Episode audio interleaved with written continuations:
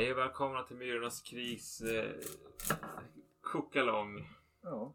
Det här är vårt avsnitt 31. Vi, som utlovat så ska vi arbeta utifrån skräckkokboken som kom här tidigare i höstas. Det är Thomas Arvidsson från Vargtimmen som har eh, knåpat ihop ett antal eh, skräckfilmskvällar Mm. med eh, tillhörande mat och recept. Stunden till ära så har vi också tagit oss ut i stugan så att det är riktigt mörkt och höstruskigt och mysigt här. Mm, lite kyligt fortfarande. Vi kom hit för en kvart sedan. Mm. Men det, det, kommer, det kommer att hetta till här. För ugnen är på. För det är som kvällens tema vi valde som passar årstiden och platsen är spökhuskapitlet. Visst var det? Hemsökta hus och smördegspiroger. Ja. Eh, och eh, ja, jag kan ju gå igenom här medan Björn hackar lök så kan jag prata lite grann om boken och upplägget här. Ett, varje kapitel har det som, det är nog ett par sidor. Först är det en sida om hemsökta hus här. Där man får lite introduktion till olika filmer och sen så har, vi- har, får man som ett urval med eh, hemsökta husfilmer. Tanken är att varje sån här filmkväll som finns i skräckkokboken ska innehålla tre stycken filmer. Välkurerade. Mm. Och sen finns det några bubblare som man kan ta om man är sugen på något annat. Så det är liksom det här. Har du sett alla tre redan så finns det säkert någon annan här i alternativraden som du kan välja ifrån. Och de filmerna som han har valt på Hemsökta hus det är Amityville Horror från 1979. The Woman in Black från 1989. Och sen The Others från 2001. ja. Har du sett någon av de här tidigare? The Others har jag sett. Fast det är väldigt länge sedan. Ja. Och jag har sett den nya versionen av The Woman in Black. Den med Daniel Radcliffe. Så heter han, ja. Harry Potter Harry tänkte jag Potter. säga. Ja. ja men här, eh, precis. Den har jag sett. Jag har sett Woman in Black från 1989 också, tror jag. Mm. Vi får se. Så det blir spännande. The Amityville Horror har jag inte sett, men det är ju en sån där klassiker så det var väl på tiden att vi tog upp den här i vårt liv. Ja. Och ehm, ja, men du Björn står och hackar lök till smördegspirogerna här då. Jag skulle väl föreslå att den som vill göra en kokalong eh, pausar här. Och sen så kan man ehm, gå och handla ingredienserna. Och jag tänker jag tar väl och skriver ingredienserna på våran Facebook-sida. Det låter bra. Där man kan eh, se det här eh, inlägget om man inte ids köpa hela boken. Sen har han ju även föreslagit till det här eh, lite matlagningsmusik och dryckestips. Så att, jag avnjuter just nu en öl och om ni hör något som klinkar i bakgrunden så är det det som var föreslaget till avsnittet. Det är väldigt atmosfärisk eller stämningsfull jazz med piano och klink. Mm. Eh, och drickan här som han föreslog, den fanns inte på Systembolaget i Västerbotten men det var, eh, han föreslår eh, en pilsner av tysk stil. Nå i alla fall. Där, då, då börjar man då med att sätta på ugnen på 200 grader, vilket vi gjorde precis. Sen så ska man hacka den ena av gullökarna Mm. Och eh, tillsammans med det ska man steka en, en fint hackad vitlöksklyfta i en kastrull. För det är tanken att det här ska bli basen för fyllningen i de här smördegspirogerna. Och som fyllning idag har vi spenat och fetaost Yes. i någon sorts krämig Ja, vi får se vad det blir helt enkelt. Ja, vi har inte gjort det här. Det här är totalt orepeterat. Ja. Det här är eh, kaos och grannar med Gud helt enkelt. Mm. Och vi ska se på huset som Gud glömde. Ja, men eh, nu står vi och har hackat ner spenaten och den ska väl krympa ihop där i kastrullen snart hoppas jag. Det är Mm. spenat och lök och vitlök som vi håller på och fräser här. Och medan det här håller på och puttrar, eller vad man ska säga, då gör jag en tomatsallad här och jag har gjort ordning. Så jag gör ordning lite, hackar lite, eller skivar lite lök. skivad tomat och han har gjort ordning en vinägrett i en eh, i ett sån här eh, urinprovsmugg. Vad mysigt. Men det är en sån här bra lock som man kan skaka ordentligt. Har du någonsin varit i något spökhus? Som Jag har ju som barn faktiskt for till Borgvattnets prästgård. Alltså du har varit där? Jajamän, och sovit över. Jag har ett diplom.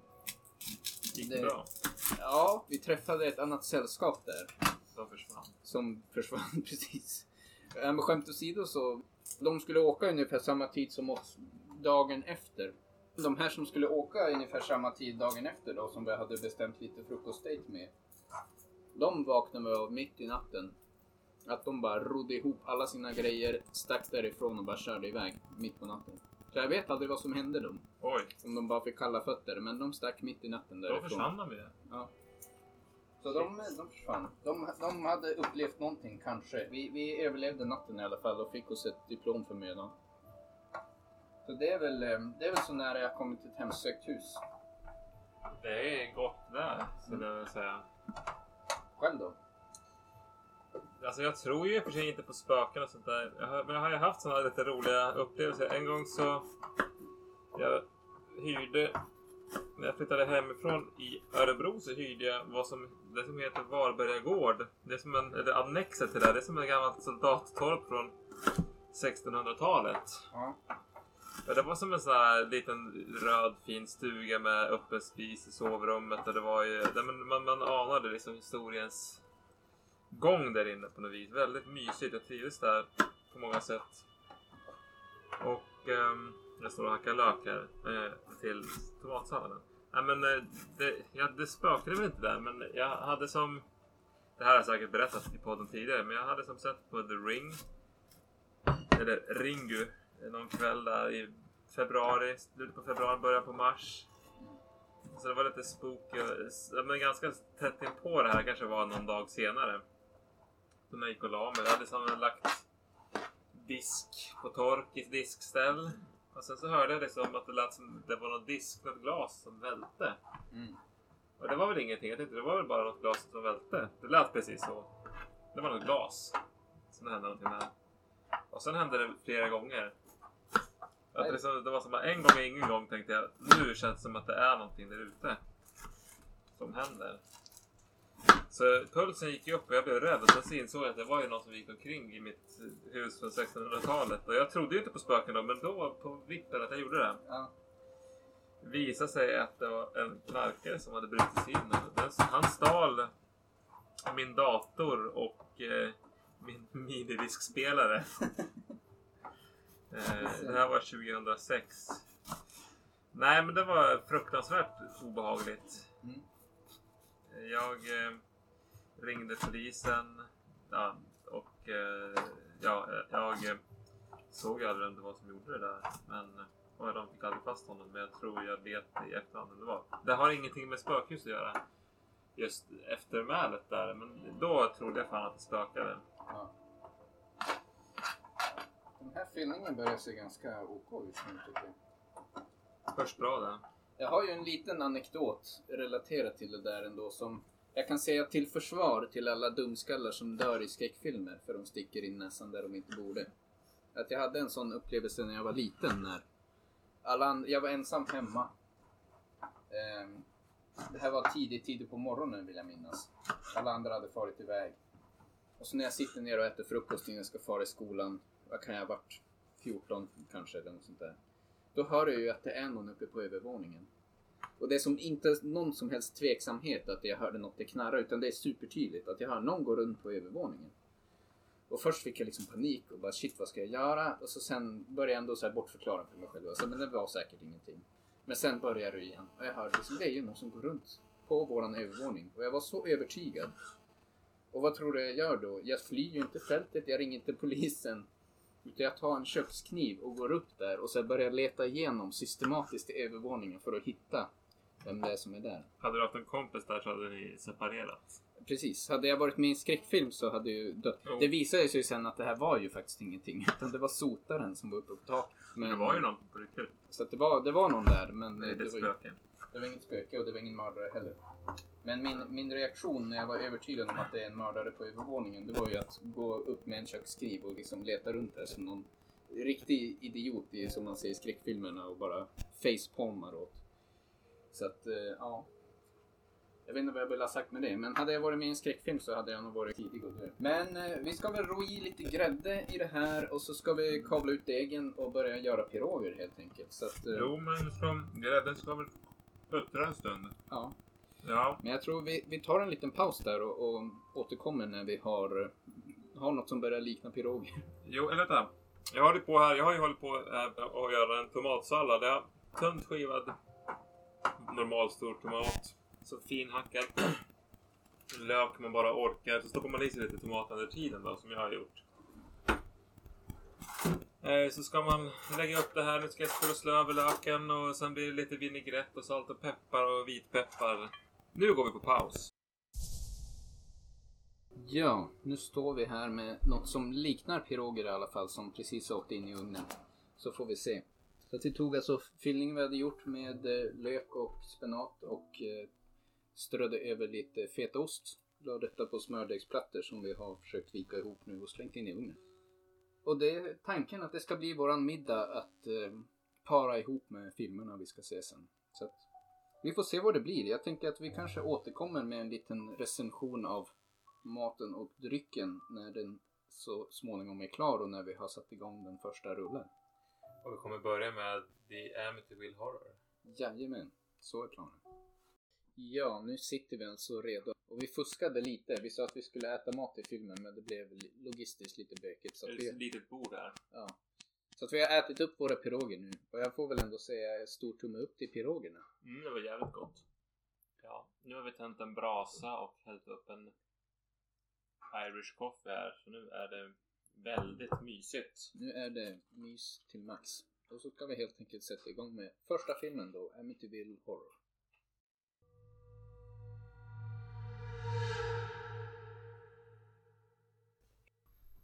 Så, nu är vi alltså tillbaka i poddandet här efter att ha sett den första av tre filmer, The Amityville Horror från 1979.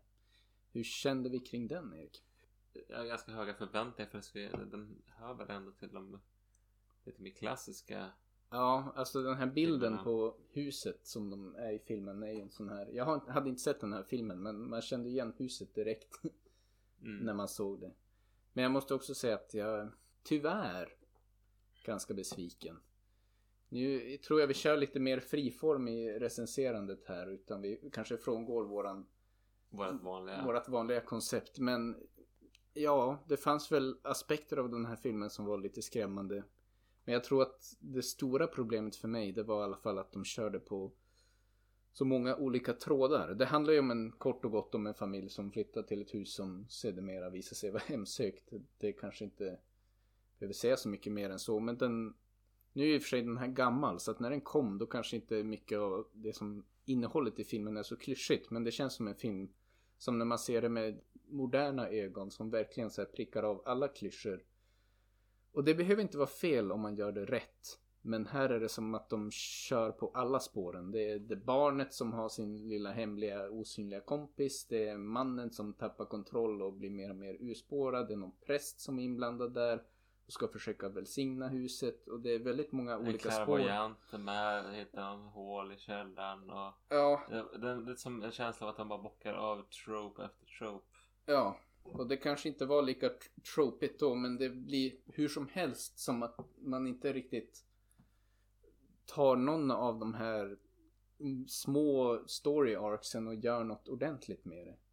Nej, tyvärr. det ja, det var som en mashup av typ alla hemsökta husfilmer jag någonsin sett.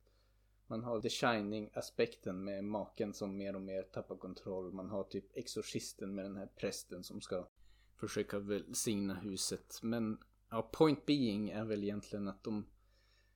Ingen av spåren blir så himla intressant. Det blir för mycket som händer och man hinner inte riktigt ägna någon tid åt något av spåren riktigt. Och det blir lite långsam progress framåt i alla spåren där. Ja. Ja, det är någon snut med där också som håller på att försöka utreda Ja. vad som händer där i huset. Men det händer som inte riktigt något med hans Nej. spår heller. Jag tycker, skulle man fokusera på någonting här utifrån skådespelarinsatsen och sånt så hade jag gärna sett att de fokuserar på maken som mer och mer tappar det liksom efter de flyttar in i huset. För jag måste ändå säga att han gör en väldigt bra galen pappa om man så Jo, han spelar ju, James Brolin är ju skitbra i stundtals. Han Mm. använder blickarna och har en ganska bra utstrålning. Man ser liksom pro- progressionen mot att han blir mer och mer paranoid och sömnbrist och det, det verkligen återspeglas i hans skådespeleri.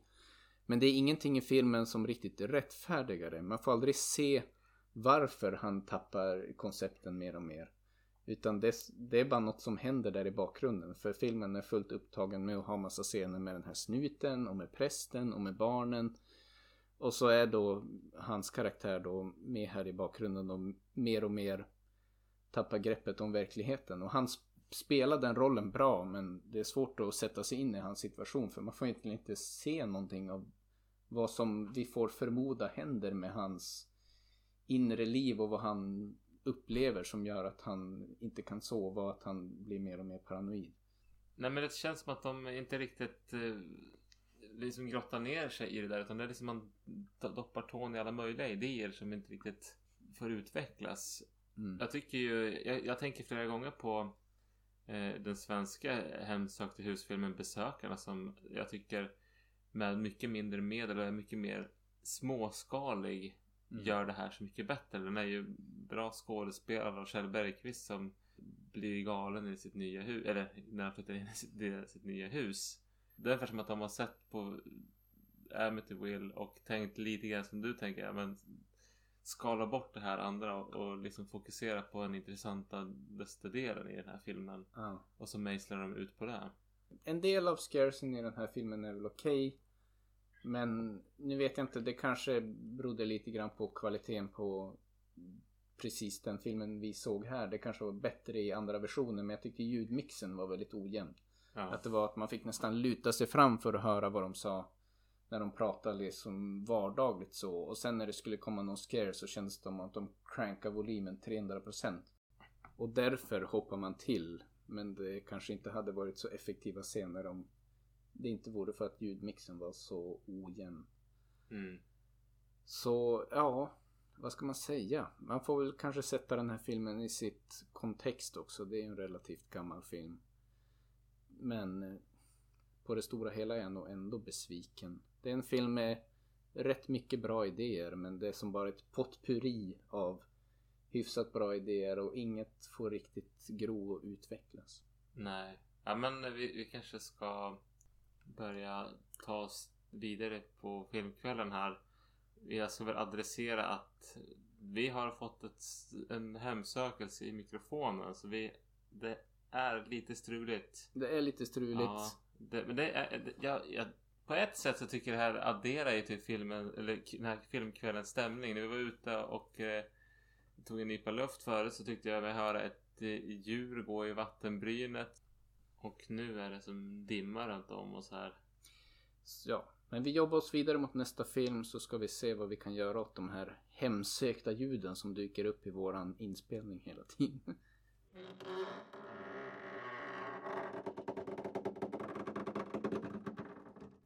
Och eh, nu har väl eftertexterna till The Woman in Black rullat klart. Ja. Vad har du för känsla?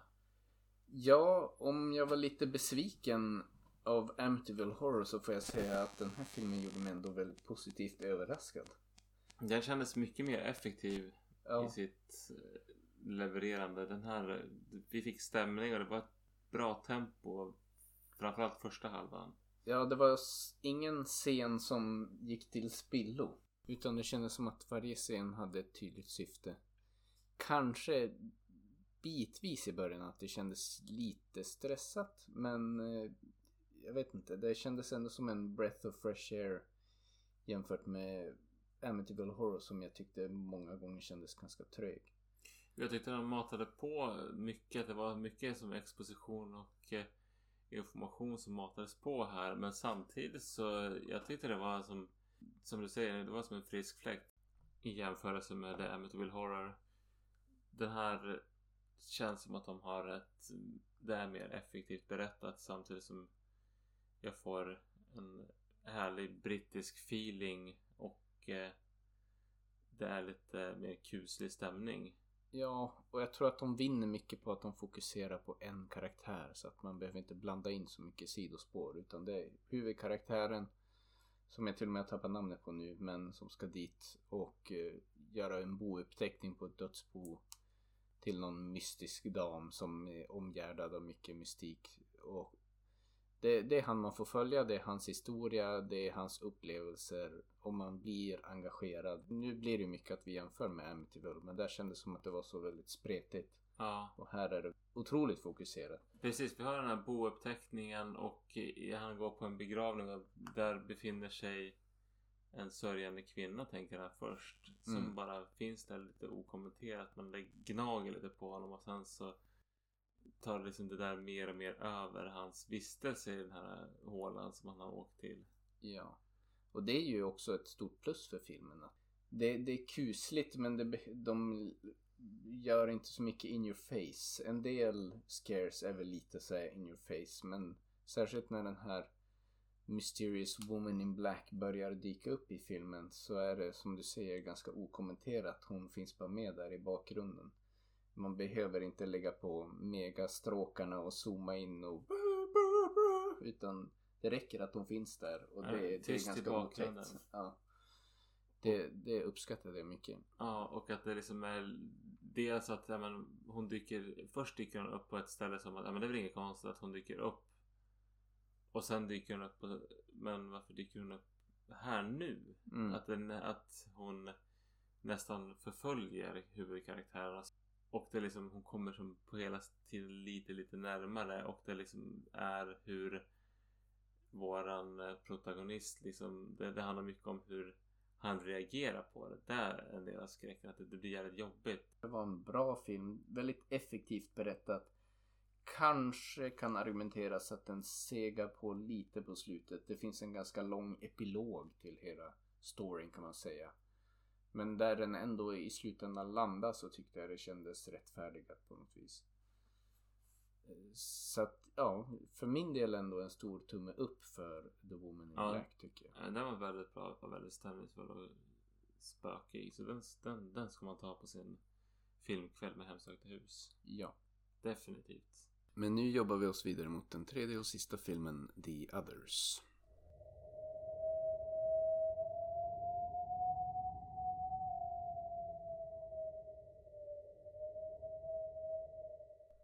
Ja, då är vi tillbaka morgonen efter nu. Ja, det det blev- väldigt sent igår så att vi lite halvsåg The Others och så avrundade vi den till frukosten idag. Och ja, vad känner vi kring The Others? Det är en bra avrundning på en spökhusafton skulle jag säga. Den var väldigt mysig och väldigt mycket atmosfär i. Ja, det är väl ledordet tycker jag, mysig. Den har lite kuslighet i sig men den är inte alls läskig. Det känns som en, en bra familjerysare kanske. Sen ska väl barnen vara lagom gamla för att inte bli uttråkade med en story som ändå rör sig ganska långsamt framåt. Precis, det är mycket som kan fara över huvudet på ett Ett för ungt barn. Men definitivt eh, mysigt. Jag tänker på, och det kanske är så här kopplingen är i skräckkokboken till maten. Jag känner en kopp te och scones. Och eh, ska man ha en maträtt som är likt scones så är väl kanske smördegspiroger Ja. inte så dåligt Nej. val. Ja, men det var en bra frukostfilm så sett. Nu vart det Mm. inte te och scones, nu vart det kaffe och salami smörgås men det funkade ganska bra också. Mm. Men ja, definitivt mysig. Inte så läskig. Jag har ju sett den här filmen och det, det är ju en twistfilm. Har man inte sett den så, ja, jag ska inte säga för mycket. Twisten är ganska bra.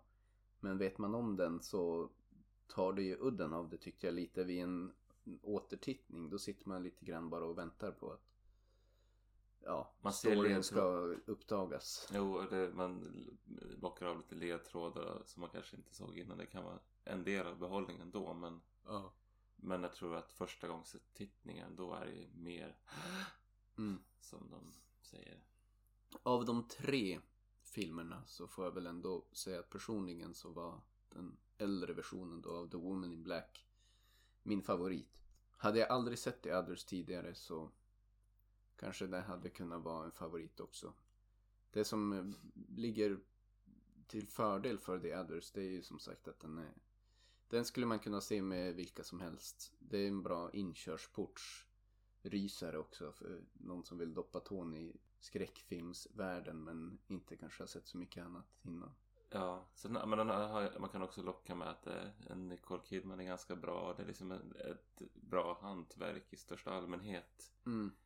The Woman in Black tycker jag nog är, skulle man också kunna ha som en introduktionsfilm. Ja. För den har ändå tillräckligt kvalitet och mysfaktor.